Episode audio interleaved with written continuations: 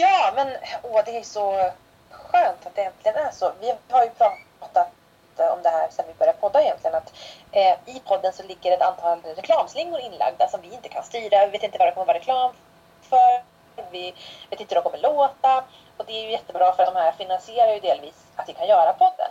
Eh, men också så är det många poddlyssnare, inklusive oss själva, som stör sig typ på de här jinglarna som kommer in. Och det är skränigt. Och liksom, du och jag har ju vinnlagt oss om att göra en väldigt ljudmässig, härlig podd att lyssna på.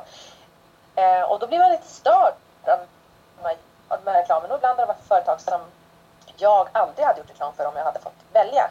Eh, och nu har vi tagit bort dem. Och det känns ju fantastiskt. Jag tycker det är så mycket mer vilsamt att lyssna på podden när den inte störs av massa olika reklamslingor och jinglar. Eller vad säger du Erika?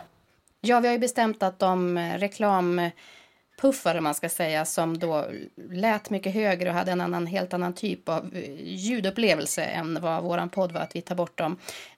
Vi tycker också att vi förlorar mer på dem rent uttrycksmässigt än vad vi tjänar på det med pengar. Men nu kan man ju undra så här, kommer vi inte tjäna några pengar alls?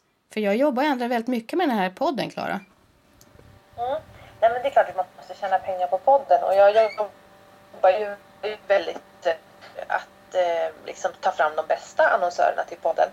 Och det är precis som på bloggen att jag vill att det ska vara annonsörer som har någonting eh, vettigt att komma med till lyssnarna eller läsarna. Eh, och eh, ja, det är ju alltid en utmaning. Det är ju så när man gör eh, någonting som kostar väldigt mycket tid för en själv att man också måste hitta intäktskällor.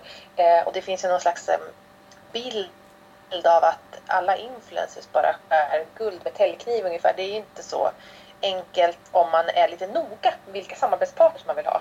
Ehm, då, då är det inte alls, alls lika självklart att man hittar bra matchningar eh, bland annonsörer. Det vet jag på, på bloggen också att eh, ja, man, om jag inte skulle bry mig så mycket om vilka som har det så skulle jag kunna ha mycket mer eller inte så skulle jag kunna ha mycket mer eh, annonsering.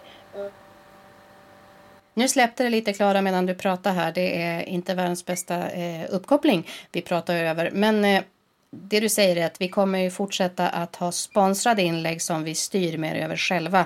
Eh, vilka vi samarbetar med och det väljer vi då utifrån att vi tror att det är sådana som ni som lyssnar inte kommer att störa er på. Så hoppas vi att det blir bra.